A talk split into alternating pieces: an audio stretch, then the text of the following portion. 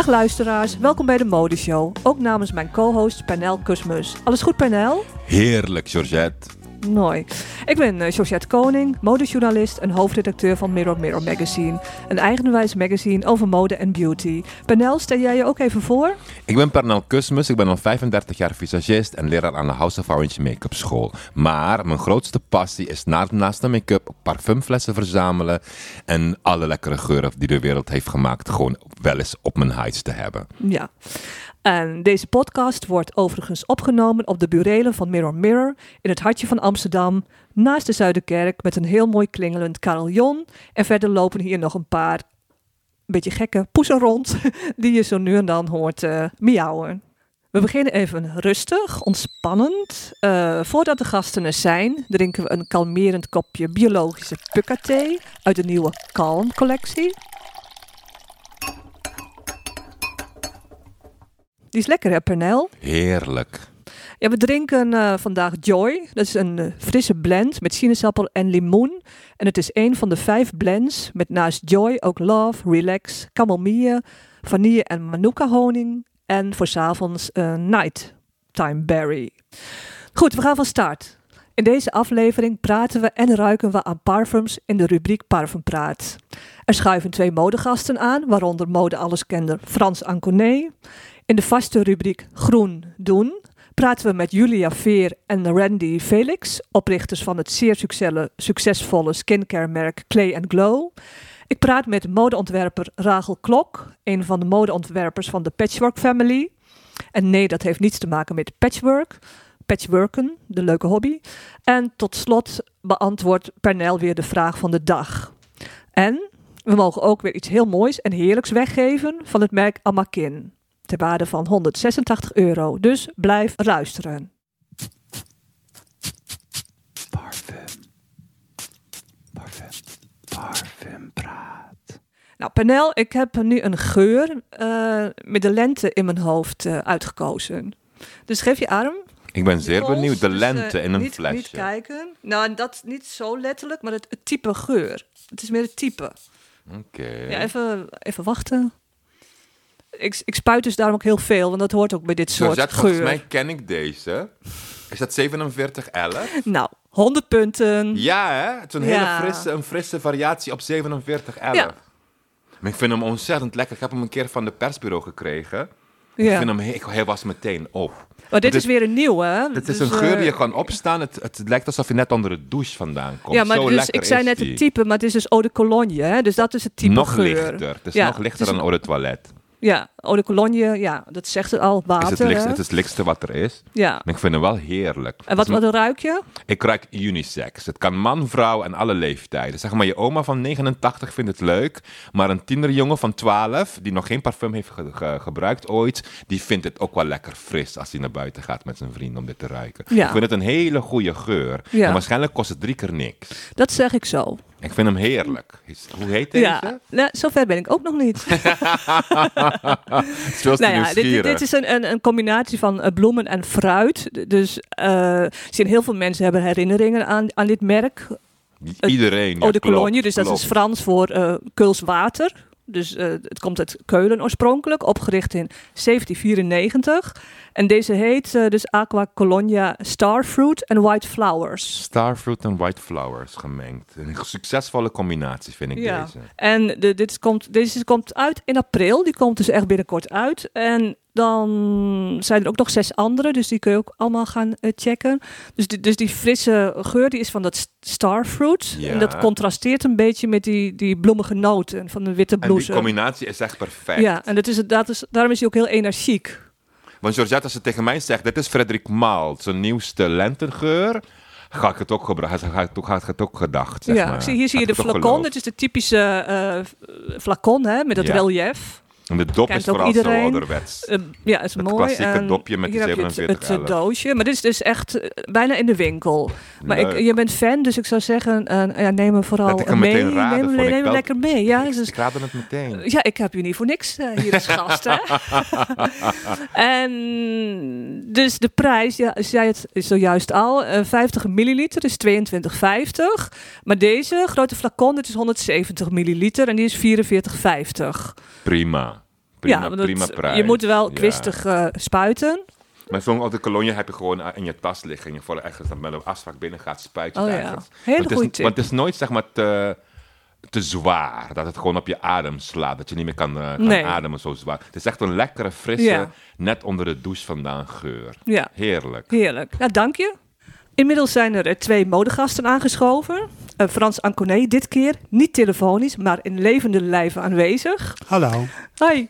En eh, Michelle Lievaert van het duurzame modelabel Reconstruct Collective. Dat bestaat uit vier ontwerpers die zes jaar geleden zijn begonnen met het ontwerpen van geconstrueerde kleding. Gemaakt van ja, onverkochte kleding en overtollige stoffen. En nou, we gaan leuk, gezellig samen met elkaar praten over mode. Ehm, willen jullie eerst een kopje thee, bukka thee? Panel, wil Mm, jij lekker. dat eh, Ja, inschenken? lekker. Heerlijk. Ja. kopje maar. Kruidenthee? Kalmerend altijd. Voor alle zenuwen. Nou, we beginnen eventjes met een, een terugblik eh, op de shows. Eh, ehm, die vonden plaats tot begin maart ongeveer. Nou, Frans, ehm, je hebt ontzettend veel shows gezien in jouw eh, carrière. wel voor zeggen, Avenue, ja. zeg maar, vanaf de jaren 70. Ja, De Avenue. meeste in 80 en 90 jaren. Ja, voor de, voor de New York Times. Mhm. Eh, je werkt voor de Duitse als hoofdredacteur. En nou ja, jaren dus echt alles gezien. En ik weet dat je nog steeds alles op de voet volgt. Nou, Klopt. dus ja. En eh, nou, oorlog of niet, de shows die gingen gewoon door in Parijs. Ja. Wat, wat vond jij daarvan trouwens? Nou, ik was blij, want ik bedoel, ik had zoveel foto's onderhand bekeken de laatste twee jaar. En dat zegt gewoon niet genoeg. Ik bedoel, eh, kleren op iemand in beweging. Ja, dat is toch een heel ander verhaal. Ja. Maar ook het hele circus eromheen, wat soms echt walgelijk is. Omdat je er gek van wordt als je tien shows per dag doet. Ja. Maar dat geeft wel een soort van leven in de brouwerij. Ja, maar ik bedoelde eigenlijk de oorlog. Oh, sorry. Neem me niet kwalijk. Ja, Een leuk, leuk verzetje. ja, dat is natuurlijk, dat is Ja. natuurlijk een heel ingewikkeld verhaal. Ja. Maar je kan het ook niet stopzetten. Ik bedoel, we kunnen ons leven niet stopzetten omdat er oorlog is. nee. Maar het is natuurlijk wel een verschrikking. Ja. En ik hoop, ehm, er zijn genoeg mensen die daar wel aandacht aan besteed hebben. Ja. Op een bepaalde manier. Dus dat was in- absoluut wel interessant. Ja, bijvoorbeeld Armani, die had geen eh, muziek Die hield helemaal geen show. Eh, Nee. Rick Owens, ehm, die ehm, was er ook heel erg mee bezig. Er zijn Ja. genoeg mensen die eh, ook geld hebben opgehaald. Ja. Ik bedoel, ehm, hoe heet die? De- Demna van eh, Balenciaga. Ja, die komt uit Georgia en die, die is ook eh, gevlucht in Ja. zijn tijd. Dus die eh, had de hele show toch een beetje gebouwd op, op ondersteuning van, Ja. van die oorlog. Ja, aanvankelijk was het idee eh, een show over klimaatcrisis. Precies. En, maar hij, hij begon met het voordragen van een gedicht over liefde en eh, de, de steun voor eh, vluchtelingen. voor vluchtelingen. Dus, het- dus dit kwam het meest, ja, heel oprecht over ook, maar het was ook, het was ook absoluut heel oprecht. Ja. Want hij eh, heeft in, in de tachtig jaren is hij gevlucht met zijn ouders en zat hij in Odessa. Ja. Odessa is nu waar iedereen het over heeft of dat de volgende stad is die gebombardeerd zal worden. Ik moet wel zeggen, ik, ik vond het verhaal vond ik heel sterk. Ik vond de, de show qua kleding vond ik wel iets minder. En ik, ik snap nog steeds niet waarom Kim Kardashian in tape was geplakt. Nee, dat, eh, begrijp ik Eh, ook niet, Weten maar dat jullie is dat? natuurlijk gewoon- Michel, heb jij een idee? Nee, ik moet zeggen dat ik iemand in de metro in New York ook in die tape heb gezien. Maar ik weet niet wat het idee achter Kim Kardashian was. Gewoon publiciteit. Volgens Ja. mij gewoon aandachttrekkerij. Maar Gewoon dat hadden, die, die hadden ze vergeten af te lassen, waarschijnlijk. En door te knippen. ja, het, het geld was al overgemaakt. kan ook. Maar het was, wel, het was wel geweldig mooi gepresenteerd in al die Ja. mist. Dat wel. Het- Als beleving was het heel mooi. Ja. Ja. Ja. En wat sprong er nog meer voor jou uit? Nou, Rick Owens sprong er voor mij uit. En Die had... ehm, hij is katholiek opgevoed. En Ja. toen hij jong was, was hij altijd nogal geïmponeerd door die wierook van die priesters. Dus hij ja, had een heleboel modellen. Die had allemaal een nieuw machientje waar stoom en rook uitkwam. En dat was in samenwerking met Aesop. Dus er was dat ook is een, dat goedkope... Oh, met die beauty. ja, oh, ja. dus er ja. was ook zo'n lucht bij. En het, Ah. was, het was bijzonder gedaan. Ik ben niet altijd een fan van hem, want soms vind ik het iets te ingewikkeld. Hmm. Maar nu was het heel ingetogen. Het was eigenlijk zo'n beetje een vernieuwde glamour eh, Ja. uit Hollywood. Ja, dus mensen kijken dat terug. Dat is Rick Owens, eh, een ontwerper met een heel authentiek handschrift. Zeer. Doet nooit mee aan trends. Het, het neigt altijd wel een beetje naar, eh, ja, een beetje, hoe zeggen we dat, donker, gothic. dat vooral in het begin, maar het is altijd het heeft mooi. wel een gothic influence. Ja, maar het- absoluut. Ja, dat leeft ook wel weer tegenwoordig, Ja. maar het, het is wel altijd heel mooi, vind ik. Nu hebben- Ja. Als we het over ehm, als we het over sustainable hebben, ja, dan is Mar Marine Serre, dat is een Ja. nieuwe jonge Franse ontwerpster die er sinds een jaar of twee is. Ja, die doet niet anders dan oude stoffen gebruiken, hergebruiken, eh, Ja. patchwork maken van van alles en nog wat. Ja. En dat is altijd wel een interessante Ja. show. Ken je die? Ja, Ja. ja, Michel, vertel jij nog even wat, eh, wat jij doet met jouw vier collega's aan de Vijzelgracht, waar een winkel is. Ja, klopt. Ehm, ja, wat wij dus doen is wij maken onze kleding van overproductie van eh, andere merken. We werken ook met andere merken samen, maar ook eh tweedehands kleding waar niks meer mee wordt gedaan. Of overgeproduceerde stoffen. En zo zorgen we er eigenlijk voor dat er niet nog meer kleding bij komt op de wereld. Maar dat Ja. we overtollige kleding weer nieuw leven geven. Ja, en, en zo'n fashion show, eh, of fashion week, ontzettend veel vervuilend en, en, en noem maar op. Maar volg je het een beetje, zoals dat merk Martien zegt? Ja, ik, ik ken Martien Ser eh, zeker wel. En Ja. ik vind het ook echt een hele mooie ontwikkeling dat er dus steeds meer van dat soort merken bij komen. Die dus, eh, wij zijn dan zelf eh, zes jaar geleden begonnen. En ehm, toen merkte je, het werd wel gedaan, maar wij merkten bijvoorbeeld ook als wij winkels belden dat ze niet zo geïnteresseerd waren, omdat zij liever gewoon een hele reeks van dezelfde kleding in de winkel hebben hangen. En we merken dat daar nu ook, dankzij andere merken, ook dat er Ja. steeds meer een shift in begint te komen. Dat Ja. het nu wel meer wordt gezien als exclusieve items die ze wel graag in de winkel willen hebben hangen. Ja, het wordt gewoon wel een voorwaarde natuurlijk. hè. Ja. En zoals jullie werken ook met, met eh, overschot, dat is ook de enige manier om dat probleem aan te pakken. Want als je toch op de een of andere manier eh, gaat produceren, dan werk je er weer aan mee. Ja, inderdaad. En ehm, jullie hebben ook wel geshowd hè, op de Amsterdam Fashion Week. Hoe belangrijk is dat eh, voor jullie, een show? Ehm, ik denk dat het eh, vooral inderdaad belangrijk is om ook die beleving mee te geven. Het gaat bij ons bij een show niet per se om de sales. Eh, zo stylen we onze kleding ook niet. We vinden Nee. het gewoon heel belangrijk dat we ons verhaal ermee kunnen vertellen. Dus eh, daarom zijn we heel blij dat we eh, bij Amsterdam Fashion Week als eerste een kans hebben gekregen. En vervolgens hebben we ook nog kunnen showen bij Copenhagen Fashion Week en twee keer bij New York Fashion Week. En nu zijn we eigenlijk weer terug in Amsterdam. Ja. Shows. Is dat een groot verschil? Nee, dat weet Frans ook. New York Fashion Week, als je daar rondloopt of eh, hier in ja, Amsterdam. Ja, het ligt er gewoon aan in, in welke categorie je zit. Jij zit in zo'n hele nieuwe categorie waar ze in Amerika nog niet zo heel erg veel mee bezig bent. Ja. Dus dan val je natuurlijk wel sneller op.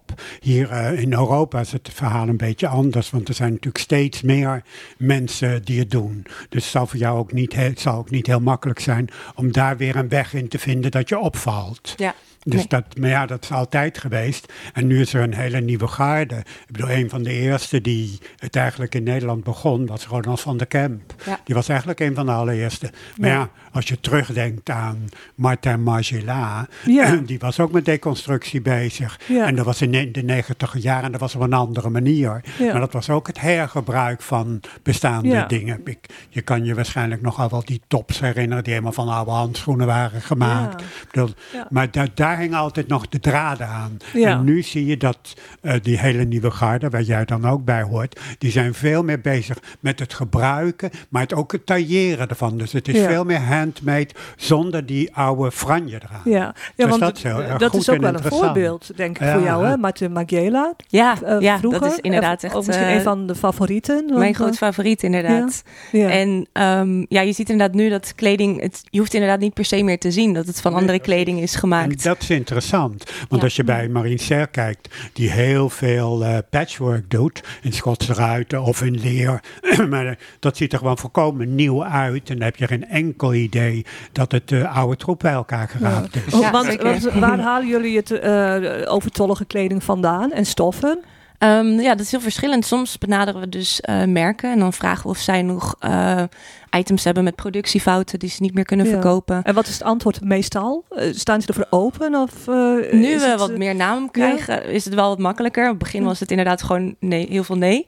Ehm, en dan gingen we ook gewoon vaak naar kringloopwinkels. Maar dan is het gewoon inderdaad een kwestie van goed zoeken. Dat, daar gaat heel veel tijd in zitten. Dat Want je moet kost goed- gigantisch veel Ja. tijd. Het is natuurlijk 80% rommel bij. Ja, je wilt inderdaad geen H&M kleding reconstructen. Nee, je wil wel een nee. beetje goede kwaliteit hebben Ja, want natuurlijk. anders dan weet je, het zou ook goed zijn dat alles wat je eh, searcht, dat dat ook eh, sustainable is. Ja. Maar ja, die, dat kan je natuurlijk nooit helemaal terugvinden. Nee, inderdaad. Bijna niet te doen. Nee. Welke samenwerking hebben jullie gedaan? Ehm, we hebben begin zijn we begonnen met eh de New Originals. Die zijn hier ook eh, in de podcast, geweest. Ja. Ja, toen hebben we eigenlijk eh, van items van hun hebben we... ehm, ze hebben een puffer jacket die heel bekend is. Daar hebben we items mee gemaakt. Oh. Ehm, we hebben met Converse hebben we ook samengewerkt. Met klassieke Chuck Taylor schoenen. Ehm, ja, wat natuurlijk een iconische schoen is en ook heel herkenbaar. Dus Ja. het is ook super... En wat doe je eh, daar dan mee? we hebben daar eh, laarzen mee gemaakt. Dat canvas is wel heel makkelijk eh, te bewerken. We hebben er corsetjes mee gemaakt Oh. en, en shorts en ook eh, lage schoenen. En eh, ja, dat was echt eh, was een leuk succes. Ja. Ehm, met Weekday hebben we ook een samenwerking dit- gedaan. Leuke merken wel. Ja, Ja. zeker. Ja. Dus, Budweiser? Bud? Budweiser ook Volgens mij inderdaad. ook, ja. ja. En wat krijg je dan van Budweiser? Um, Budweiser was eh, heel leuk materiaal. We hebben onder andere merchandise die zij eh, over hadden. Maar ook een mega groot spandoek. Dat Oh over ja, een heel tuurlijk. flat Oh, te gebouw gek. hing. Dat was Leuk. echt enorm veel stof. En dat zou anders ook weggegooid worden. Dus daar hebben we ook allemaal items van gemaakt. Spannend. Ja, Nou, kom een keer bij je kijken. ja zeker. Leuk. Ja. We nemen even een, een pauze, even een ander onderwerp. En kom zo bij jullie terug. All right. Super.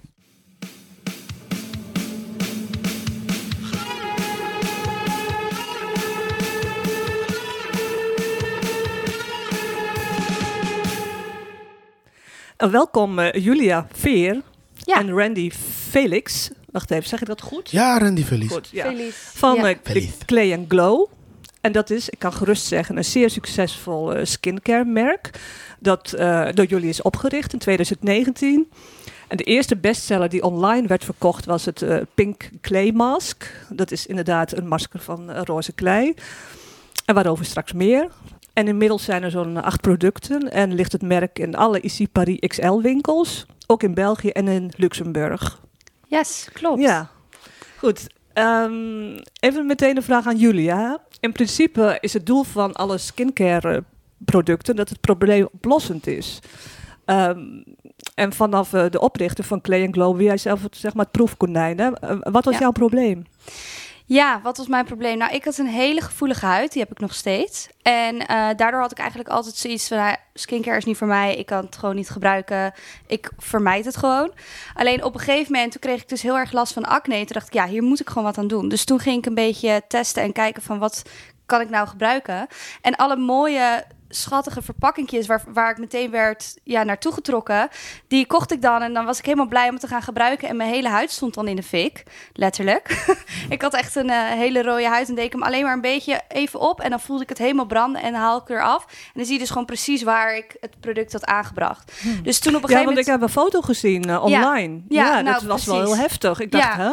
Inderdaad, ja, dat was echt eh, een beetje de story of my life. Stond die foto op jouw site of op, Ja, je, op Clay klopt. Glow? Oh, Ja. dan kunnen mensen kijken. Dan zien ze ook het, het, eh, voor- en het naresultaat. Ja, we hebben een, eh, een about page. En daar heb ik een beetje het verhaal hebben we een beetje staan in een soort interviewvorm. dat een van onze medewerkers met mij had gedaan.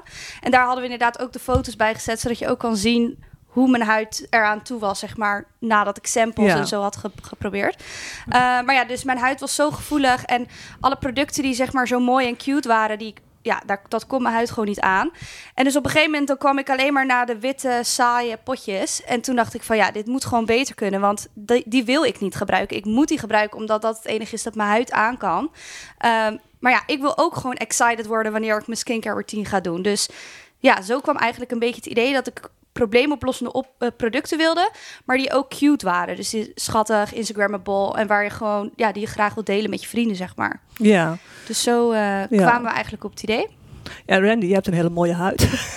Gelukkig. je gebruikt de producten? Zeker. Ja. De moisturizer voornamelijk. En ja, de avocado mas- masker. En ja, de scrub. Ja. alles wel, toch? Ja, Ja. maar ja, Ja.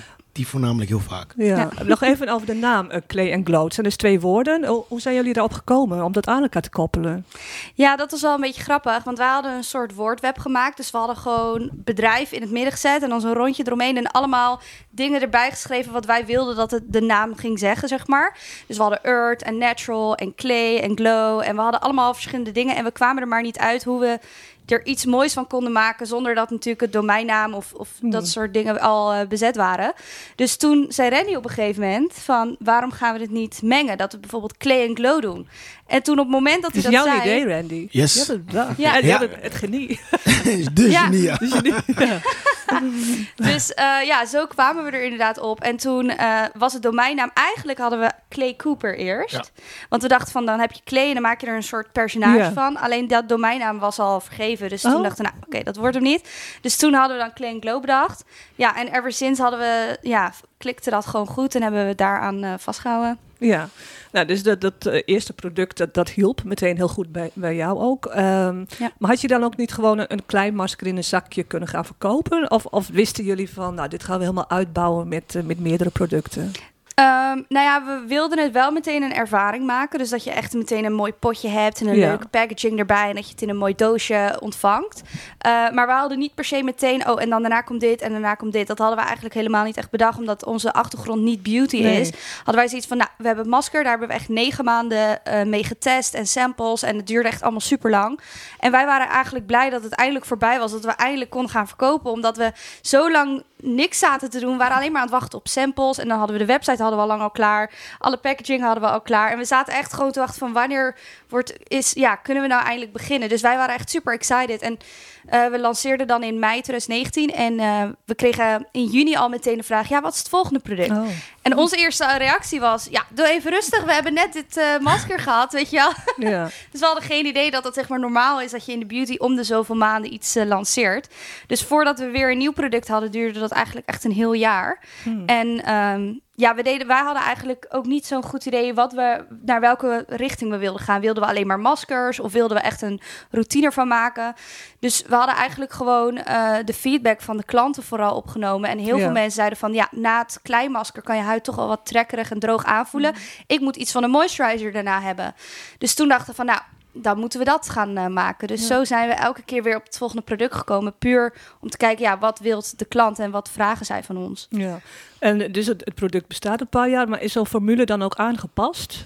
Ja, inmiddels is die weer helemaal anders dan eh, hoe het begon. Ehm, ja, want in eerste instantie dan heb je het ho- hoe je het wil en dan ga je gewoon steeds meer feedback toepassen. Dus Ja. elke keer als we weer opnieuw gingen inkopen, zeiden we oh toch meer iets van dit of een beetje toch wat lichte roze of toch wat minder hard of wat minder zacht. Want omdat het natuurlijk een klei potje, eh, een kleimasker in een potje is, kan het best wel snel uitdrogen. Dus daar hebben we in het verleden best wel wat eh, nou ja, struggles mee gehad. Dat hij bijvoorbeeld dan heel erg uitdroogt of juist niet. Eh, en omdat we ook met natuurlijke ingrediënten en zo werken, is, ja, is dat altijd wel een beetje een struggle geweest. Dus we zijn wel continu aan het ontwikkelen om het zeg maar steeds perfecter te maken, zeg maar. Ja.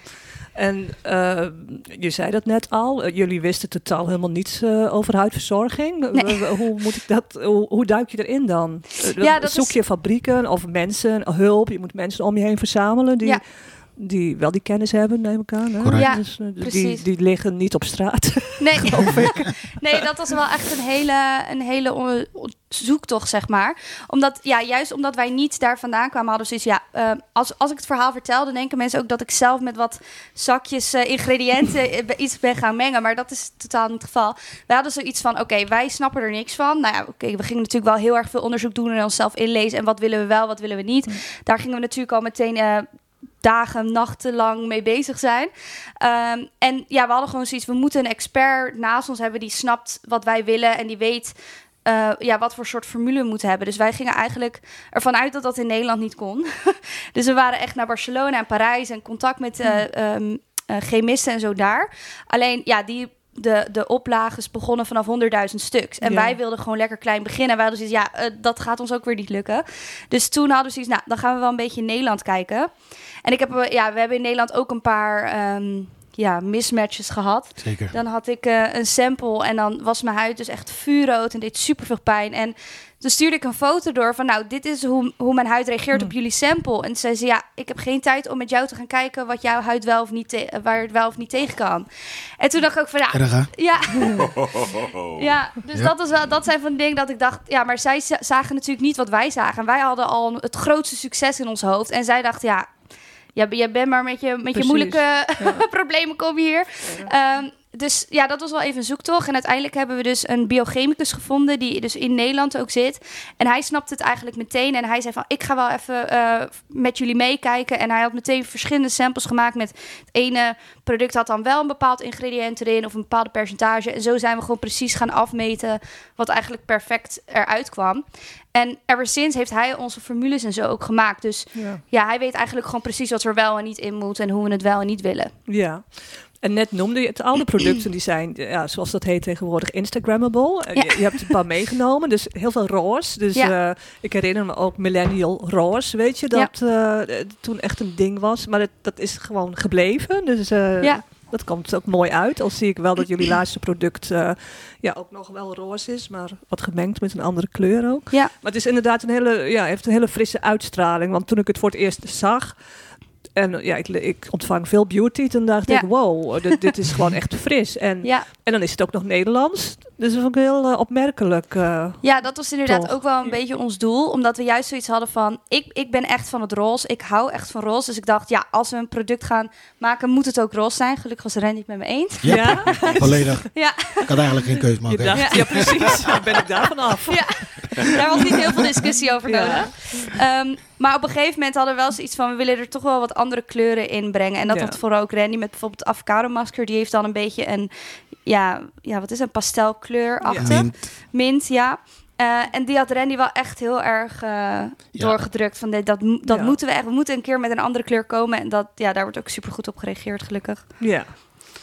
Maar ehm, ja, de kijkers die kunnen jullie niet zien, maar wel, waarschijnlijk wel horen. Maar je, je bent nog heel jong, hè? Dus Ja, je bent eh, vanaf het begin al eh, je eigen doelgroep. Ja. En, maar op een gegeven moment krijg je natuurlijk ook wel reacties van allerlei vrouwen. Dus eh, wa- wat doe je daarmee?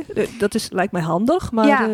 Nou, dat is eigenlijk wel heel grappig. Omdat ja, wij begonnen echt, ja, omdat ik dus zelf 24 ben en onze doelgroep is een beetje 18 tot 34, zoiets. En juist, dat was juist ook de doelgroep die we hadden, zeg maar, uitgekozen. Dus zeg maar de focusgroep. Omdat ik die gewoon snap. Omdat ik dat zelf ben. Omdat ik Ja. de mensen om me heen heb. Alleen we merken nu de laatste tijd steeds meer van de wat oudere doelgroep en de wat rijpere huid. Die, zegt, die zich afvraagt, van, is het ook voor mij? Ja. En ja, dat is wel heel erg grappig, omdat wij dus nu ook een beetje aan het switchen zijn daarin. Van, eh, wij waren heel erg van het roze en babe en dat soort dingen op Instagram. En we hebben op een gegeven moment, ja, als een vrouw van 55 hoort, hey babe, dan denk je Ja. ook van, eh, ja. dat vindt ze dan toch weer een maar hele andere behoeften hebben, hebben die dan eh, qua huidproduct? Ja, die zijn natuurlijk meer met de anti-aging bezig. En Ja, wij ja, hebben ja. op zich wel wat ingrediënten in de producten die anti-aging voordelen hebben, maar Ja. dat is niet ons focus. Dus daar zijn we wel ook naar aan het kijken. Yep. Om Ja. ook wat meer producten te maken die bijvoorbeeld juist gericht zijn voor anti-aging en dus ook weer de wat oudere doelgroep aanspreken. Ja. Ja, ik, ik zag, eh, of dat weet ik ook, dat jullie verkopen de producten in zogenaamde bun- bundels. Ja. Wat, wat is het voordeel voor de klant eh, hieraan? Ja, nou wij hadden ehm, op een gegeven moment zoiets van... het is misschien handig als we gewoon de producten die goed met elkaar samen kunnen... dat we die in een soort bundel aanbieden. En dat we er dan ook meteen een mooie prijs van maken. Dus ehm, we hebben bijvoorbeeld ook op onze website een huidtest. En dan kan je een beetje kijken van, nou, wat heeft je huid nodig? En dan bieden wij een bepaalde bundel aan die bij jouw huidtype dan past. En ehm, ja, doordat je het dan bundelt, bespaar je ook meteen. En ja, dat is natuurlijk voor de klant ook super fijn. Ja. Dus we hebben bijvoorbeeld de alles set en daar hebben we gewoon alles in gedaan. En het was grappig omdat wij zoiets hadden van, nou, dat gaat toch niemand kopen. Maar we doen het maar gewoon. En dat wordt dus het beste verkocht. Omdat mensen zoiets hebben van, nou, dan heb ik meteen Ja. alles. Dan bespaar ik mooi, een mooi bedrag. En dan kan ik meteen van alles iets uittesten. En ja, wat blijft hangen, dat repurchases dan. Of, ja, her, ja, Her- ja, ja. Kopen ze opnieuw? keer, ja. Ehm, dus ja, dat zijn dan wel, eh, ja, daar hebben we wel ook door vallen en opstaan geleerd Ja. hoe dat werkt. Ja. En de, de Clay Glow producten die bevat, bevatten volgens mij of 97% natuurlijk oorsprong. Ja, Wel, ja. ja. En ehm, zijn daar dan ook vragen over? Wat is dan die 3%? Ja, Ja, zeker. dat is wel grappig. Ja, wij hebben dus, we proberen met zoveel mogelijk natuurlijk ingrediënten te werken. Maar als we dan bijvoorbeeld zeggen, ja, wat- 97%, dan zijn er wel een paar mensen die zeggen, ja, wat is 3% dan? Dan denken ze dat het een van de enge ingrediënten zijn. Maar dat zijn natuurlijk gewoon ingrediënten die van het lab, in het lab gemaakt worden. Dus die betekent ook niet dat die dan per se slecht zijn. Nee, Alleen ze komen niet van een plant of zijn niet zeg maar van natuurlijke oorsprong, maar nog steeds. maar ze zijn ja. echt nodig voor Ja. consistentie van het product misschien, of conservering. Ja, of, eh, precies. Want als je bijvoorbeeld een banaan neerlegt, dan is het na een paar uur is, is die Ja. niet meer eetbaar. En dat is natuurlijk ook als je het in een potje gaat doen. Ja, een paar dagen denk ik. Ja, dan na een Ja. paar dagen dan kan je hem niet meer gebruiken. Dus dan heb je dus ook iets van conserveermiddelen nodig. Nou ja, en die zijn dan niet van natuurlijk oorsprong, maar die zijn wel nodig om het product een, ja, een eh, Lange shelf houdbaar- time, ja, Lange houdbaarheidsdatum van ongeveer 12 maanden te geven. ja. Dus ja. ja, de prijzen zijn heel erg redelijk, vind ik. Ehm, eh, Dat vind je belangrijk. Zeker. Ja, Ja. Ja, dat was echt ook wel, denk ik, een, een, ehm,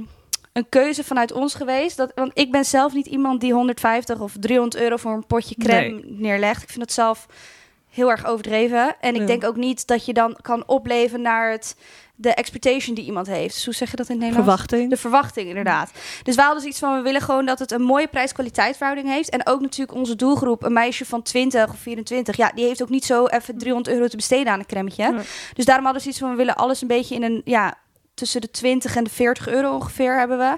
We hebben wel wat producten die ietsjes goedkoper zijn. En ja, we zijn natuurlijk ook natuurlijk aan het kijken om het weer, want de bundels bijvoorbeeld, die zijn dan weer wat duurder. Ja. Dus daar proberen we echt wel een beetje tussen Maar te dat blijven. zit dan korting op, denk ik, als je, omdat je ze allemaal koopt. ja, op de bundels dan ja. bespaar je natuurlijk Ja. al, omdat je ze dan samen koopt, Ja. ja. Ja, ehm, ja, mijn achtergrond is mode, eh, dus met, met trends die heel, heel snel gaan. Ja, En skincare zie ik dat de trends er ook steeds eh, sneller gaan. zeker. En eh, hoe gaan jullie daarmee om? Eh, het- je ziet het op het gebied van verpakkingen, maar ook ingrediënten natuurlijk. Hè? Dus eh, laat, het is natuurlijk heel makkelijk om je gek te laten maken. Ja, Randy neemt nog een lekker kopje Ja. thee. wil hem even brutaal Pukka zijn. thee, Sorry heel lekker. Liet hem bijna omvallen ook nog. Kruidenthee, hè? Maar is heerlijk. Ja. Ehm, Ja, de, de vraag Ja. was dus de, de, de trends. Die, die, de- Ja. hoe, dat je niet gek laat maken, want er komt veel op de markt. Klopt. En eh, vooral ingrediënten, dat is echt... eh, zie je, retinol bestaat al heel erg lang, maar dat, dat duikt dan weer op. Ja. Dus in hoeverre ga je mee met alles? Ja, we proberen inderdaad daar wel eh, bewust naar te kijken. Want dat is natuurlijk ook waar de doelgroep naar kijkt. Als je heel de dag alleen maar avocado's overal ziet, ja, Mm. dan moeten wij daar gewoon iets mee doen. Dus dat is ook ja, wat wij wel proberen. Bijvoorbeeld avocado's natuurlijk al super lang een, een ingrediënt. Maar ook Ja. het wordt steeds meer een trend in de food. Maar dus ook in de skincare. Ehm, en ja, wij vinden dat juist heel erg leuk om daarop in te haken. En dan onze eigen vorm daaraan te geven. Maar we willen, ja, we willen natuurlijk wel onderzoek blijven doen. En is het nou echt een soort hype, maar stelt het niks voor? Of is het nou ook echt een goed ingrediënt of een goed ja, Ja. om dat in je producten te gebruiken? Ja. Dus zoals bijvoorbeeld hyaluronic acid, dat is natuurlijk een, een supermooi ingrediënt. Nou, die gebruiken we dan ook in Ja. meerdere van onze producten. het zijn ook bewezen producten. ja, En eh, nu de Clay and Glow eh, Moisturing eh, Mask, avocado. Ja. Eh, die is helemaal nieuw. Hè? Draai eens open een eh, panel, dan kun je zien eh, hoe het eruit ziet. Eh, net op de markt, mooi lichtgroen. En dit vind ik ook zo leuk, dat dit erbij zit. Dan Ja. zo'n roze eh, spatel. klopt. Ja, ja want Is eh, toch handig? ja, met je vingers aan, aanbrengen is toch altijd wat Ja. lastiger. Dan wordt dat gebruikt, zoals je ziet. Nou, top. Goed om te horen. Ja. Ja, ehm, ja, we hadden inderdaad. Ons eerste product was natuurlijk het Pink Clay Mask. En dat was Ja. natuurlijk het eerste succes. En we hadden dus op een gegeven moment zoiets van... we willen meer producten gaan ehm, ontwikkelen die voor dagelijks gebruik zijn. Want dat is natuurlijk met maskers niet zo. Het is meer een soort treatment. Ehm, Ook hallo. ja, die hoort erbij. Ehm, dus daarom hadden we op een gegeven moment meer dat we ons gingen focussen op de producten die je gewoon dagelijks kan gebruiken. Zoals de moisturizer en de cleanser en de toner. Ehm, en op een gegeven moment hadden ze iets van ja, we moeten gewoon weer met iets van een masker komen. Maar we hebben natuurlijk al een klein masker. Dus we willen ook eigenlijk een hydraterend masker. Dat mijn huid is bijvoorbeeld ook heel erg droog. En zeker in de winter. Ja, dan vallen de schilfjes gewoon van mijn hoofd af. Zo droog, zo'n Ja. droge huid heb Ja. ik. Dus eh, ik had er zelf ook heel erg veel behoefte aan. Dus toen hadden ze iets, ja, dan moeten we gewoon iets van een hydraterend masker ook gaan eh, Ja. ontwikkelen. En dat was dus uiteindelijk het avocado masker geworden. Ja. En Penel, heb jij nog een vraag? Eh, nee, niet echt. Ik vind het heerlijk om haar zo enthousiast te vertellen over haar merk. Ja. Ik ben Ja. helemaal in trance naar haar aan het luisteren. Geweldig. Heerlijk. Ja, Ja. Ik, ja, ik vind het ook heel erg leuk om over te praten. Ik kan er echt... Ja. Uren. Nou, En ik kan uren naar je luisteren. Ja, nou, Wat hoe, hoe is jullie taakverdeling dan? Ja. Jij, praat de hele dag. ja, En ik, Randy eh, die doet alles. Ja, Randy Ja. zegt alleen maar, stop eens met praten. Nee. Ik heb Oh, een vraag. nee, ik heb een ja. Oké. Heb je, heb, ben je ook van plan een zonblok te maken voor deze lijn? Nou, toevallig zijn we er heel druk mee bezig. Heel maar- Wat toevallig. toevallig, ja. Nou, dat is echt Maar wel dat is het toevallig. enige wat je niet over hebt verteld, over een Nee, ja, maar hier zit wel zonbescherming in. Ja, eh, de avocado-olie is zeg maar een soort natuurlijke zonblok. Maar een masker Ja. was je er weer vanaf. Nee, dit kun je Ja. op laten zitten. Oké. Ja. Ja, deze kan je Oh. wel overnight zeg maar En dan erop gewoon in, laten. in, in ja. masseren. ja, ja, je kan Ja. het gebruiken. Ja. Ja, en we Want ik gebruik zelf heel weinig moisturizer, maar ik gebruik wel een zonblok. Als ik op Bonaire was, en Ja. een moisturizer Ja. komt er meteen Ja, uit. Daar klopt. heb ik niks aan. Maar ik heb altijd een zonblok nodig, want ik verbrand toch. Ja. Ik woon al zo lang in Nederland, als ik naar de tropen ga, binnen, binnen een uur ben ik gewoon Ja. knalrood. Ja. Dus ik heb echt een hoge factor, factor 50 heb ik nodig. Ja. Want iets onder de 50 begin ik ook al rood te worden. Oh. Heel raar. In ieder, in ieder geval kan ik niet meer zo goed tegen Film de de zon. schaduw. Dus- dus ik heb. Zonblok is voor mij gewoon het ideale product. ja, zeg ja, maar. precies. Maar dus, die staat al op de planning. Ja, daar Goed zijn we zo. heel erg druk mee bezig. Het was Ja. wel, het is voor ons ook een beetje een struggle. Omdat we natuurlijk ook bijvoorbeeld voor Randy's huidskleur willen we niet dat het zo'n grijze waas Oh, achterlaat. dat wil Ja. niemand. Ook En al ben je bleek, die grijze Dat zie je, Ja. dat vind ik echt zo. Precies, dus daarom zijn we, hebben we heel veel verschillende formules eh, getest en al. Maar we zijn er bijna uit. Goed zo. Dus eh, ja, dat eh, is zeker eh, iets voor in de Ja. toekomst. Maar dan moet je Randy dan gooien. Is dan je proefkonijn. Ja, Want als zeker. Ja, ben ik ook. zichtbaar is, dan, heb je een goeie. Ze Ja. vullen Ja. elkaar echt helemaal goed Ja. aan, zeg. Ongelooflijk. Ja. Precies, ja. Ik wil je heel erg bedanken voor, je, eh, voor jouw verhaal. En ook Ja. Randy voor zijn eh, Kort toevoegingen. verhaal. Heel Ja. Belangrijke toevoegingen natuurlijk. en eh, leuk dat jullie er waren. Ja. Eh, jullie, Jullie krijgen bedankt. nog een doos Pukka-thee mee. Oeh. En een Mirror Mirror magazine. En, Superleuk. ehm, nou, ga allemaal, alle luisteraars, gaan jullie eh, volgen nu? Zeker, ja. Nou, heel erg bedankt. Ik Ja. vond het superleuk om hier te zijn. De eerste Ja. podcast die we doen. Oh, Spannend, Dus, eh, heel eng. spannend. Ja, nou. ik vond het wel heel leuk vooral. Ja. Ik vond niet dat het Echt, echt, iets voor, echt iets voor jullie. Ja. Nou, Nou. super bedankt. ja, dankjewel. Jullie bedankt. Ja. En heel veel succes nog. Thank you, Ja, thank thanks. Appreciate it. Parfum. Parfum. Parfum praat. Nou, eh Pernel, mag ik jouw pols? En Ja? Doe maar hier, mijn Is- pols zit al vol met Ja, ik 4711. Andere plek. Komt-ie? Zo, dat spuit veel op.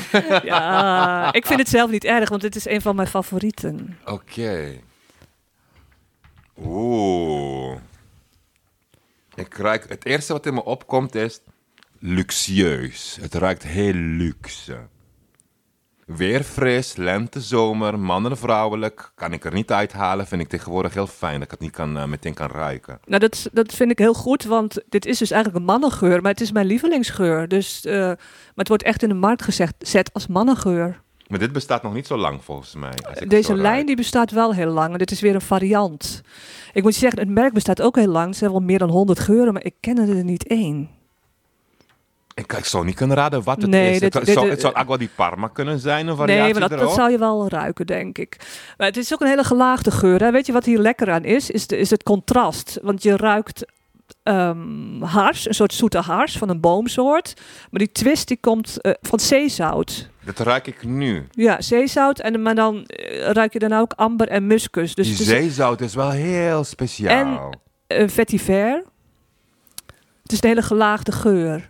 Ik ruik die fruit en, zee, en zeezout ruik ik meteen. Dat Ja. ik, me- en dat vind ik heel, een hele chique combinatie. Kijk, zo ziet het eruit. Het is een hele mooie slanke flacon, Het oranje. lijkt met, ik moet meteen denken aan Serge Lutens. Ja, het heet, dus, het heet dus Loewe. Dus je, je ziet Loewe, maar je spreekt het uit als Loewe. Nee, je spreekt het uit op zijn Spaans. Ja.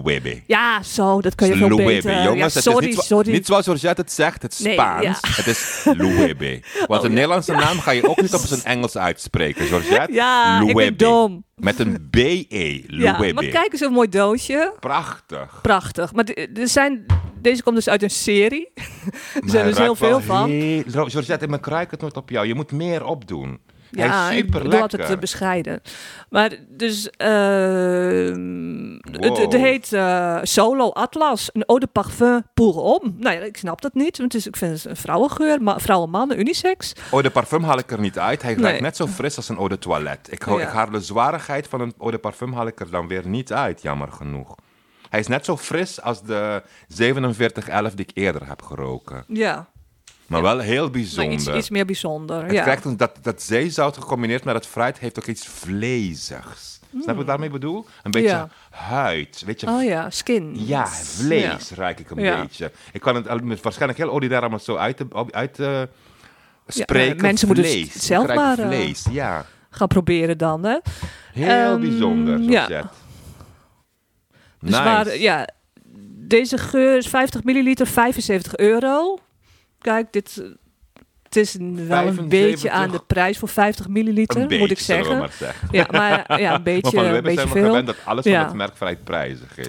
Nou, eh, te koop onder andere ook op een totaal nieuw platform, eh, waar parfums en huidverzorging worden verkocht. En dat heet The Sea of Cosmetics. Ah, leuk. Ja, een community. Dus als je daar dingen koopt, kun je ook punten verzamelen. En je kan ook zelf reviews schrijven. Nou, dank Pernel. Ontzettend lekker. Ik ben weer terug bij eh, eh, Frans Anconet en eh, Michelle Lievaert van de Reconstruct Collective. Ehm Michelle, jullie gebruiken heel veel jeans, viel mij op. Is daar een reden voor? Eh, ja, ik vind denim vind ik een heel mooi materiaal om mee te werken. Wij eh, zijn vooral ook vaak geïnspireerd door de materialen. En denim is ook eh, heel bewerkelijk. Je kan er echt alle kanten mee op. Eh, en daarnaast is Nederland natuurlijk echt een denimland. Ehm, ook de jeans school heb je natuurlijk hier in Nederland. Het is volgens mij de eerste jeans school. die Ja. Had ik ook heel graag ook naartoe gewild. Maar eh, ja. klopt. Ik was toen Ja. net al afgestudeerd. Anders had ik wel graag gedaan. Ja. Maar eh, ja, ik vind het een heel mooi, mooi materiaal.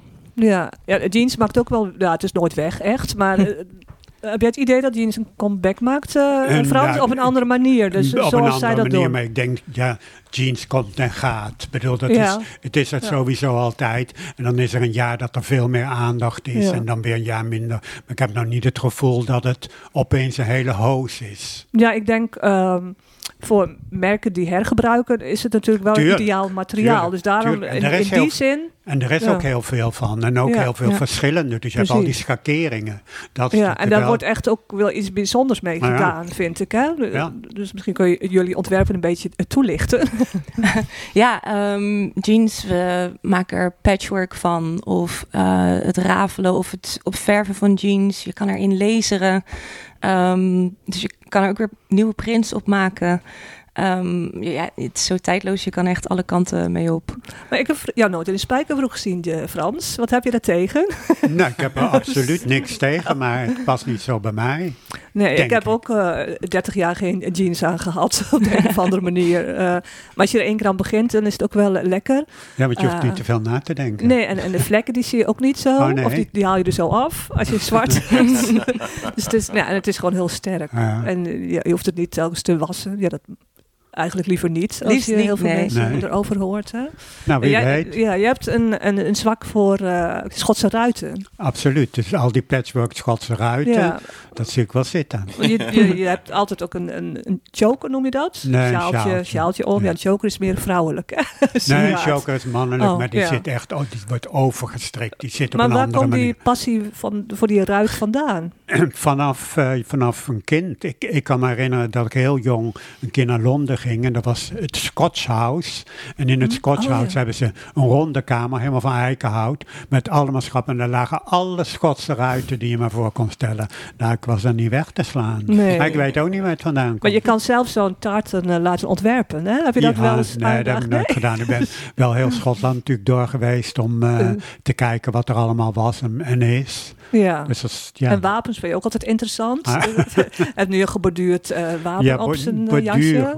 Borduur ben ik Ja, borduur sowieso. Ja. Ja. je laat ook vaak dingen borduren. Dat is ook heel leuk, eh, Michel. Dus hij, Kan ook op hij houdt echt van craft. Dus Ja. eh, dan, denk jij het zelf en dan ga je naar eh, iemand die dat kan. Nou ja, het is Ja. leuk Dus, om eh, die, die crafts te zien. Dat is leuk als je, als je ook reist. Dat er in ieder land eh, zijn daar mensen die een, een specialiteit hebben. Ja, Ik bedoel, als je naar India gaat, ja, je kan alles laten borduren. Het maakt niet uit wat je wilt. ja. Het kan gewoon. Ja. En dat kan... ja, je bent heel veel in India geweest ja, natuurlijk. maar hè, hier, gebeurt, hier is het bijna niet meer. Er zijn natuurlijk best nog wel mensen die het kunnen. Maar die zijn allemaal wel op leeftijd. Het kost gewoon te veel tijd. Ja, En jonge mensen eh, willen niet de hele dag thuis zitten borduren. ja. Ik ken er een paar, een jongen die is altijd aan het borduren. Doet niets anders dan alleen maar de Ja. hele dag borduren. Ja, lekker. Ja. En eh, crafts, in hoeverre speelt dat een rol bij jullie? Want eigenlijk, ik, ik zag dat jullie ook naailes geven. Dat vind ik zo leuk. Ja, eh. klopt. ja. Ja, ja we geven naailes, eh, vooral in de winter ook, omdat er dan gewoon ook weinig te doen was met corona. En we vinden het ook Ja. gewoon leuk om dat door te geven aan eh, jongere mensen. Want eh, wij maken alles zelf, ook in de studio eh, in Amsterdam. En ja, we vinden het eigenlijk fantastisch juist ook om met onze handen bezig te zijn. Omdat daar eigenlijk dat hele ontwerpproces weer verder gaat. Ja, veel leuker dan dat je tekent en dan laat produceren ergens. Nee, Want als je aan het maken bent, ja, als dan blijf je verder ontwerpen. mensen erbij kunt betrekken. Ja. Superleuk. En, en hoe oud zijn die mensen die bij jou komen? Ehm, ik denk een beetje rond de 17, 18 Oh, zo jaar. jong. Ja, Oh, leuk. Ja. Nou, fantastisch. ja, dat zijn dan mensen die Laat ze bijvoorbeeld willen. komen, ja, ze willen dan beginnen aan een modeopleiding. Of ze vinden het gewoon leuk om erbij en te welke leren. opleiding heb jij gedaan? Ik heb op Willem de Koning gezeten. Oh, in, Ja. Ik ben gewoon heel wel overbodig. Die vraag wilde ik ook stellen. maar- sorry. Ja, ja. Nee, geef niet. Ga door. Ja, Willem de Ja. Koning. de- ah, iedereen komt daar vandaan. hè, Het hele Ja. collectief. En eh, ik en eh, mijn collega hebben ook nog uh, modemaatkleding daarvoor gedaan in Den Haag. En Ja. daarna hebben we inderdaad met z'n vier op Willem de Koning eh, gestudeerd. En daar hebben we zijn elkaar samen leren verder gegaan. Ja. Ja. Er is nog zo'n groep, die kwamen, die kwamen ook van Willem de Koning. Dan ben ik- de naam vergeten. Lang geleden? Nee, ja, zo'n beetje twee, drie jaar geleden. Hm, nou, dat Daar is- komt zo wel op de naam. Ja, Ik kom er wel op terug. Ja, dus ehm, ja, collectief, dat is sowieso. eh, ik heb altijd een modebelletje en er, er, er komt ook een, eh, iemand uit een collectief aan het woord. De Patchwork Family. Hartstikke leuke naam. Ja. Maar eh, wat zijn de voordelen van een collectief? Is dat ook heel tijdsgebonden, dat, dat iedereen zich nu eh, verenigt? Ik denk het wel. Ik denk om, vooral omdat het moeilijk is om als klein merk nu op te boksen tegen alle grote merken. Dus is het eigenlijk ook wel een logische stap om de krachten te bundelen, omdat je samen veel sterker staat. En wij geloven ook wel als Reconstruct echt in die kracht van samenwerking. Dus dat zoeken we ook zoveel mogelijk op, ook met andere merken, kunstenaars, omdat we er echt in geloven dat je elkaar dan naar een hoger level kan tillen. En eh, ja, iedereen heeft, heeft ook weer zijn eigen unieke skills binnen dat collectief. Dus daarbij kan je elkaar ook echt heel erg helpen en het werk verdelen. Ja, want wat is zo'n taakverdeling? Ehm, nou, we zijn wel allemaal ontwerpers binnen het collectief. Dus iedereen eh, maakt ook wel zijn eigen dingen. Alleen eh, de een vindt het bijvoorbeeld weer heel leuk om echt ehm, te experimenteren met materiaal. Ehm, ander dus weer met denim. Eh, we hebben weer iemand die heel erg eh, gericht is op pakken. Eh, Jullie maken ook alle patronen zelf. ja, of ja, echt eh, patronen of dan echt vanuit moulage maken we de Ja. kledingstukken. Ja, moulage moet je even uitleggen, want dat weet ik Ehm, niet. ja, moulage, dan ga je dus eigenlijk een bestaand kledingstuk uit elkaar halen. Het kan ook met een stof, maar eh, in bestaande kledingstukken zitten al hele interessante vormen. Die, eh, als je die weer verplaatst, waar je weer mooie nieuwe vormen uit kan halen. En dan ga je eigenlijk op de pop ga je dan ontwerpen met het kledingstuk. Draperen, meer Draperen, vanaf, ja. Ja, en tegenwoordig, eh nou ja, altijd al, je hebt natuurlijk ook een bepaald verdienmodel. Hoe, hoe werkt dat bij jullie eigenlijk? eh? Ehm, ja, we hebben eigenlijk de kledingstukken die we zelf ontwerpen. Als dat wordt verkocht, dan eh, gaat de opbrengst daarvan naar onszelf. Ehm, en dan doen we daar dus ook eh, samenwerking met andere werk- merken mee. Ja. Ehm, ja, daar kunnen we ook wel eh, wat bij verdienen. En dan eh, doen we dus ondertussen dus ook cursussen, Ja. naailes. Stel eh, iemand wil een les bij jullie volgen, eh, gewoon naar jullie site gaan. Ja, je kan onze sites gaan, daar hebben we workshops, cursussen op staan en de prijzen staan er ook bij. Eh, je kan eh, voor één dag, maar je kan ook een eh, meerdere weekse cursus doen. Ja, ik had het net al over eh, de, de show, shows. Hè? Dus bijvoorbeeld Amsterdam Fashion Week, die de laatste in maart is volgens mij niet geweest. Hè? Dus, ehm, maar hoe belangrijk, belangrijk is sowieso een- het show voor jullie? Is dat nog belangrijk? Ehm, ik denk dat het vooral eh, belangrijk is eh, om je verhaal te vertellen. Hm. Ehm, en ook gewoon om de doelgroep te benaderen. Voor ons is het heel belangrijk dat we heel laagdrempelig zijn. Eh, dus dat we heel eh, benader, goed benaderbaar zijn. Ook voor ons, we hebben een jongere doelgroep. Dus ehm, wat wij voorheen altijd hebben gedaan, uh, we hebben geen eerste rij, we hebben geen front row. Uh, iedereen is op front row. Um, en we vinden het heel belangrijk ook. Het was afgelopen tijd een beetje lastig met corona natuurlijk, omdat er niet veel mensen langs konden komen. Maar normaal gesproken is iedereen ook altijd welkom. Dus het is niet alleen voor journalisten of voor uh, influencers. Maar Ja. we willen wel echt dat iedereen kan komen ook. Dat is leuk, hè Frans? Ja, dat is ook wel leuk. Ja. Hartstikke goed. Ik vind het ook leuk als iedereen. Ik, kan me van vroeger herinneren, was het natuurlijk toch veel vaker nog een el- elitair gebeuren. En dan probeerden wij altijd jonge mensen, die, de academiestudenten die voor de, de ingang stonden, mee naar binnen te slepen. Ja. Ik bedoel, ja, want anders hebben ze die gewoon de kans niet om het te zien. Nu kan je het gewoon op internet zien. Dus, maar dat, dat was in die tijd gewoon helemaal niet. Dus dat was voor hen heel belangrijk. Er was, die bleef, bleven gewoon tien dagen in Parijs hangen. En maar hopen dat ze shows konden zien. En dat lukte altijd hoor. Ja, ik, ik probeerde altijd. vroeger ook inderdaad altijd Ja. gewoon naar binnen te glippen. Maar ja, het geeft ook gewoon zo'n veel leukere sfeer ook. ja, het is spannend. En Ja. je adrenaline level gaat omhoog. Ja. Ja. dat is best, best goed. Ja, ja, we hadden afgelopen show hadden we dan ook. ehm, dat heette. eh, het was een soort van Unleash the Freaks eh, show. Omdat iedereen dus eh, door corona zoveel binnen had gezeten. En toen mocht het eindelijk weer doorgaan met Fashion Week. Dus toen dachten we, oké, we willen dat dit gewoon één groot hadden feestje uitgepakt. wordt. Ja. Paaldansers. Ja, we hadden- Alles, eh, Leuk. Het Ja. was één en al En waar was het? feest. Het was in eh, Capital C. Ah, Oké. Eh, dus super mooie ruimte. En we hebben dus eigenlijk inderdaad heel veel verschillende talenten benaderd. Ehm, en die hebben we dus eigenlijk allemaal bij elkaar gegooid. En vooral gezegd van het is vooral belangrijk dat jullie je eigen ding doen.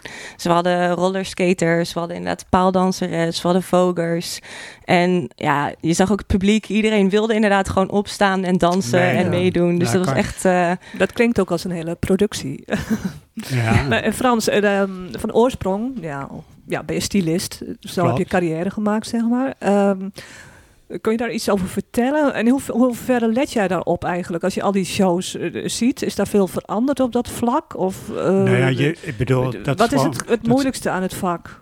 Nou, het moeilijkste, nou, ja, ik weet niet wat het moeilijkste is, maar het, het valt meteen. Je, ik, ik heb het zoveel jaar gedaan Ja. dat het voor mij gewoon aangeboren is. Ik zie als er een verandering is qua schoenen, qua hakken, ehm, dan, dan valt dat meteen op. Styling is onvoorstelbaar belangrijk. Want Ja. stel je voor, als je een hele grote lange jas hebt en je do- doet die aan met of hoge hakken of met platte schoenen, wordt het een heel ander beeld. Dus styling is super, super, super belangrijk. Ja.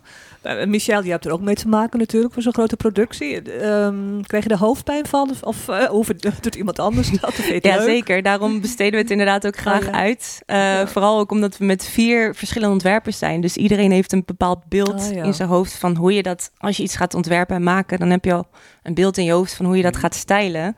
Maar als je met vier ontwerpers bent, dan, eh, ja, dan heb je liever dat we inderdaad een extern iemand het is altijd zoeken. heel goed. Ja. Ik bedoel, want een, een ontwerper die heeft zijn eigen idee en dat, is, dat idee is behoorlijk vastgelegd. Inderdaad. En als er iemand fris die er op een hele andere manier moet wel de stijl begrijpen en die moet wel de- zich daarin kunnen leven, dan gebeurt er iets heel anders. Zeker. Ik kan me herinneren, we hadden soms shows. En in die tijd maakte je heel veel monsters. Dus er, was het er waren zeg maar 13, 1400 monsters. Voor een show van 60 tot 70 outfits, Sure. 70 stuks.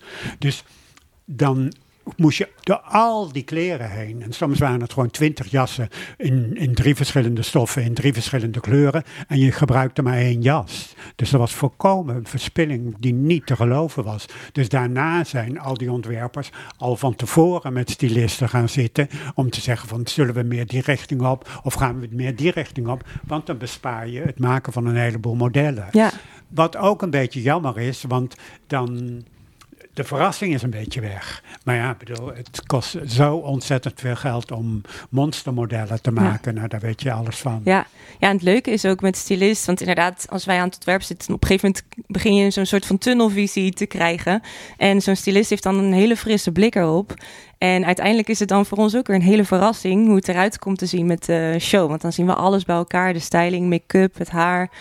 En ja, dat is dan voor ons ook weer eh, heel anders dan dat je ook, het zelf eh, zou ook doen. Het, ehm, het gesprek dat je met iemand hebt, dat kan je ook weer een andere richting opduwen. Het is altijd spannend. Ik Ja. kan me dingen herinneren dat ik eh, bij een ontwerper de styling van de show deed.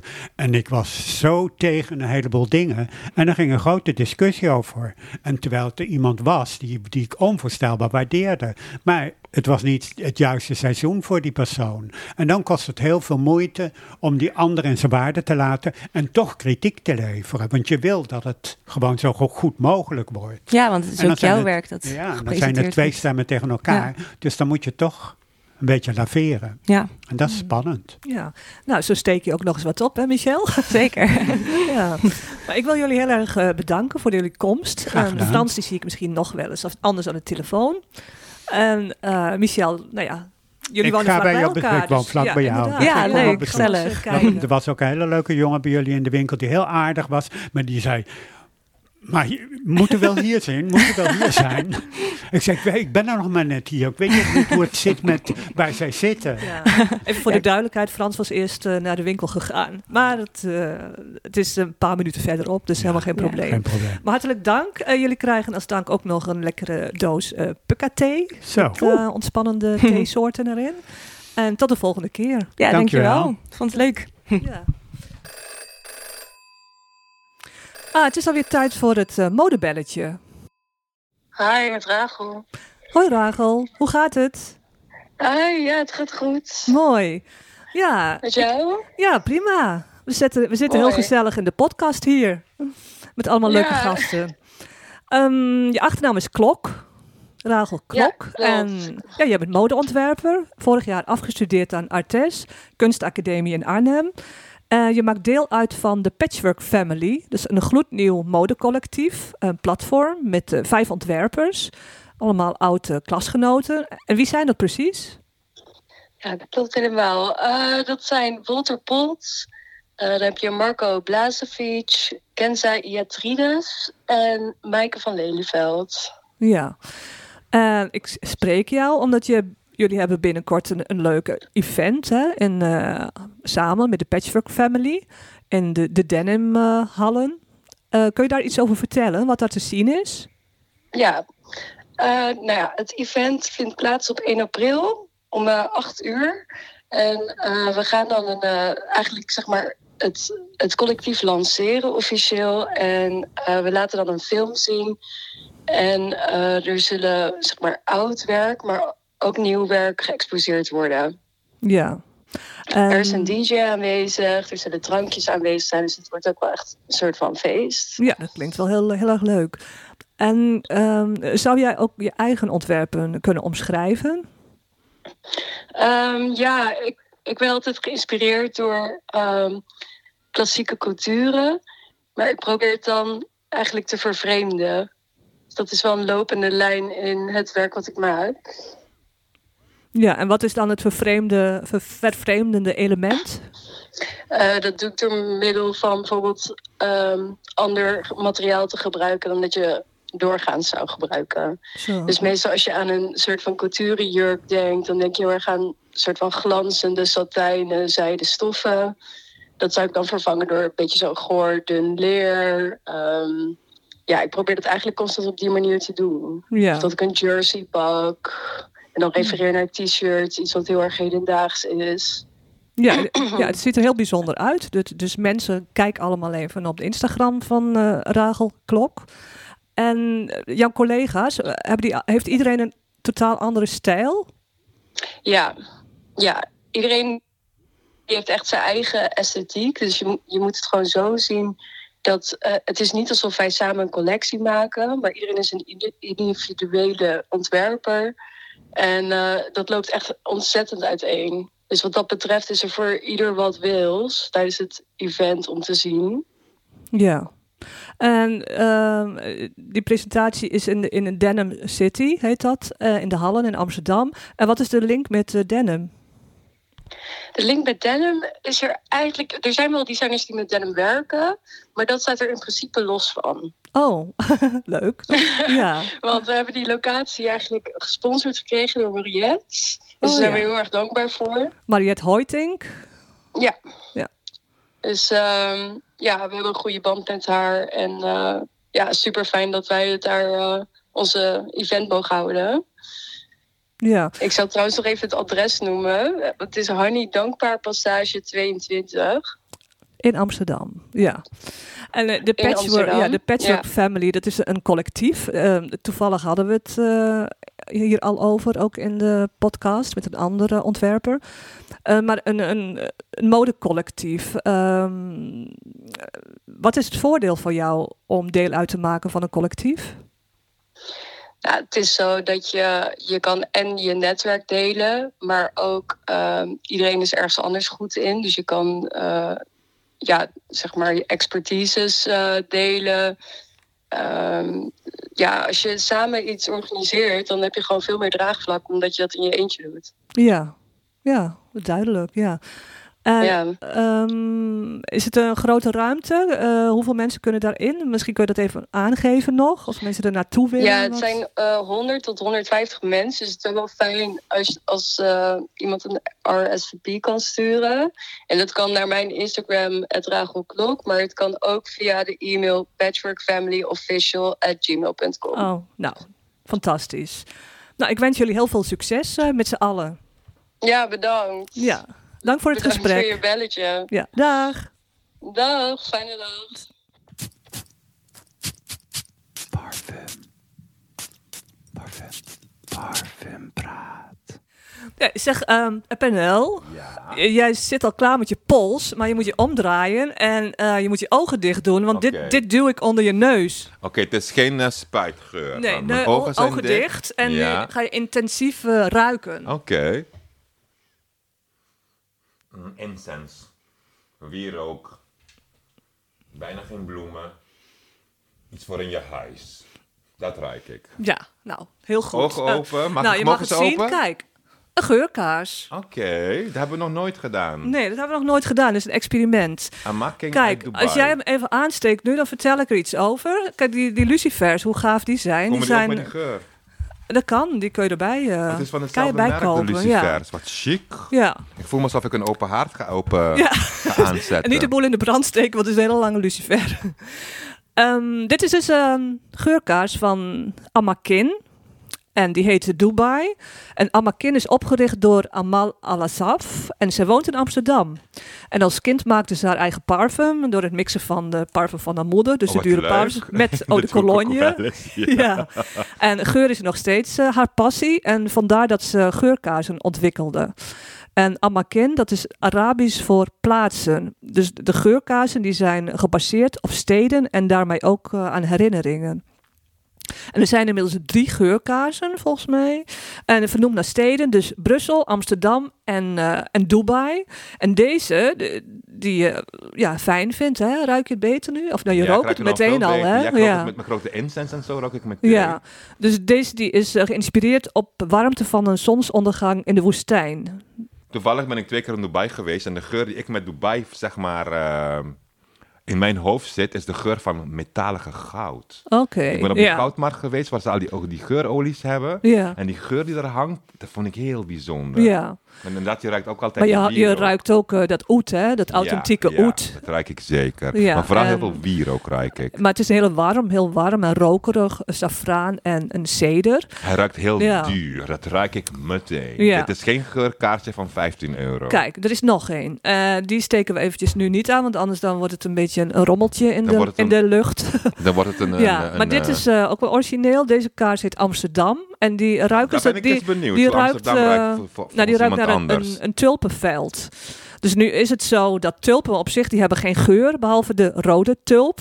En dus die, die wax van die geurkaas die is gemaakt van eh, rode tulp.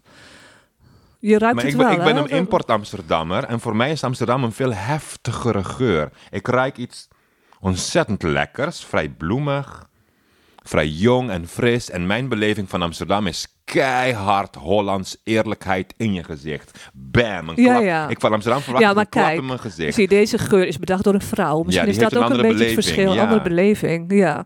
Want het was inderdaad een, een vraag aan mij hoe dat dan volgens jou moest eh, ruiken. Maar er is ook nog een, een Brussel geurkaars. En eh, dat zou dan de eerste keer zijn dat de geur is gemaakt van chocoladeolie. Dus van, van chocolade en, eh, en boter.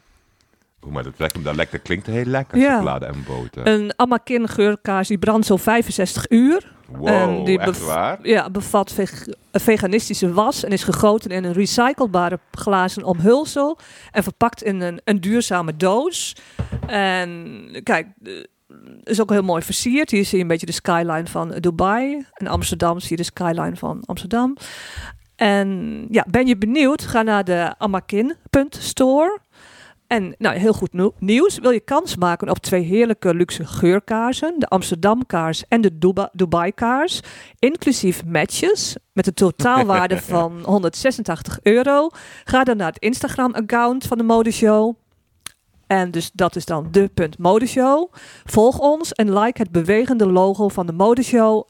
En ook de andere posts eh, van deze aflevering. De winnaar wordt in de volgende aflevering bekendgemaakt en ontvangt een berichtje. Dan gaan we nu naar de vraag van de dag. Ik ben benieuwd wat de vraag Ja, die is van een jongen dit keer. En die heet eh, Mark van den Boogaard. En die vraagt: Hey Pernel, recent heb ik mascara ontdekt. Wat is de beste techniek om mascara aan te brengen? En ik zie ook dat mascara primers bestaan. Wat moet ik daarmee? Nou ja, en verder zou ik ook toch vragen van hoeveel kom je dat die wimpers aan elkaar eh, klonteren? Hoe, Oké. hoe separeer je winkels? Nee, Want vind ik, dat, een eh, wimpers, vind, dat- ik een, Ja, vind ik een hele goede vraag, want ik geef natuurlijk ook les aan een make-up school. En de jongens hebben altijd heel veel moeite met mascara. Bij iemand anders, maar bij zichzelf ook al. Een meisje begint meestal bij 11, 12 met haar moeders mascara te spelen. En op een gegeven moment dat je 16, 17 bent, dan weet je wel hoe je perfect mascara moet doen. Voor een jongen snap ik. Ik snap je vraag, jongeman.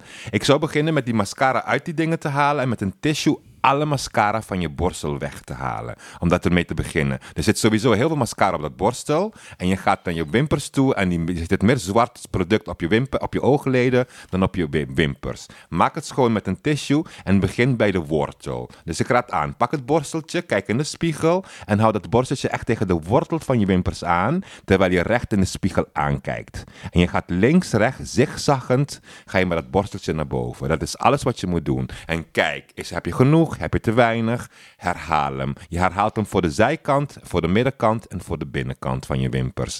Zigzaggend naar boven met een bijna leeg mascara borsteltje. Dat adviseer ik aan jou, jongeman. ja ehm, misschien wat mensen vaak niet weten: dat een, een mascara is niet eeuwig houdbaar. Hè? Maar als je het zelf, je eigen mascara gebruikt op jezelf, is die wel drie, vier maanden is die goed.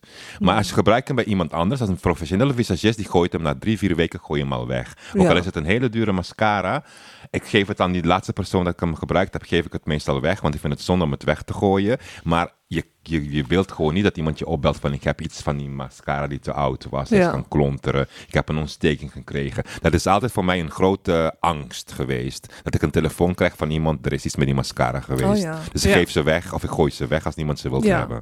Nou, in het volgende eh, Mirror Mirror nummer, dat komt uit half april, eh, daar staat ook een artikel in over mascara. En wat ook wel een tip is, is dat, dat ehm, als je dat stokje eruit haalt, zeg maar, dat je niet te veel lucht pompt. Je pomp is die heel veel mensen dan, doen op, op Instagram. die sneller. Het is helemaal niet goed, want je krijgt alleen maar nog meer zuurstof. Ja. Met al die bacteriën die in de lucht hangen, gaan in dat potje zitten. Het is niet nodig. Dat pompen, dat is zinloos. Je Ja. komt niet meer of minder product op je borsteltje door te pompen. Dat denken mensen dat dat zo is. Je trekt hem er gewoon uit, je gebruikt het. En als ik het gebruik bij iemand anders, maak ik het schoon met een tissue. En dan stop ik hem terug in de tube.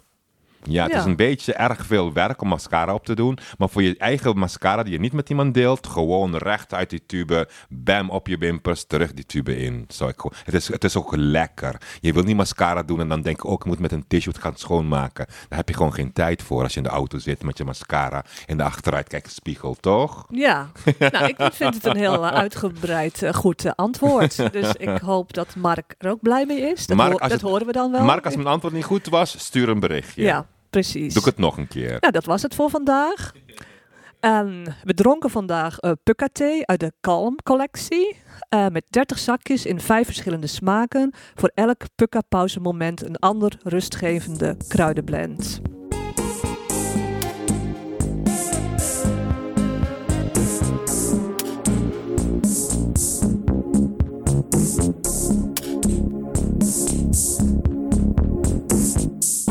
Dat was het voor nu. Abonneer je op de Modeshow via je app, favoriete podcast-app. Met dank aan de montage van Marius Kooi. En tot de volgende keer. Doeg!